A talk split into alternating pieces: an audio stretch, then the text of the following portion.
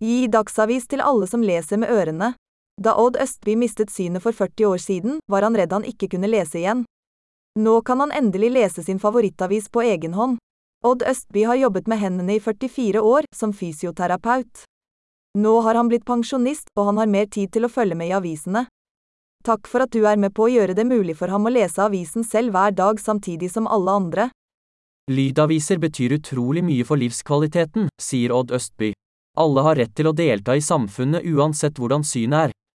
Før drømte vi om at taleroboter skulle lese inn Dagsavisen, slik at Odd og andre kunne få tilgang til et utvalg dagsferske aviser. Nå har vi fått det til. De nyeste stemmene er imponerende like menneskestemmer. Endelig kan Odd lese dagen. Det startet med Vårt Land. En stor seier. Og nå, på grunn av ny teknologi og gode samarbeidspartnere, kan Odd endelig få avisen Dagen. Den har han savnet. Han får daglig innsikt i hva som rører seg i Kirke-Norge, nyheter, lesebrev og oppbyggelige tekster. 80 personer har glede av lydavisa Dagen, fast.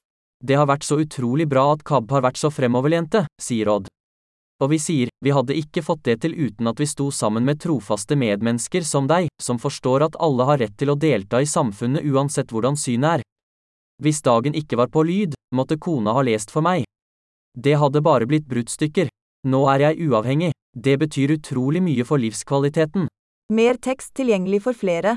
Odd leser dagen. Gjør du også det? Er det andre aviser, magasiner eller bøker du fortsatt venter på? Vi kjenner dessuten flere som venter på at teknologien skal bli enklere å bruke.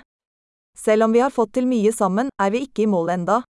Du kan være med å skape nye fremskritt. KAB har vært avgjørende for at dagen skal bli tilgjengelig for de som må ha nyhetene i form av lyd.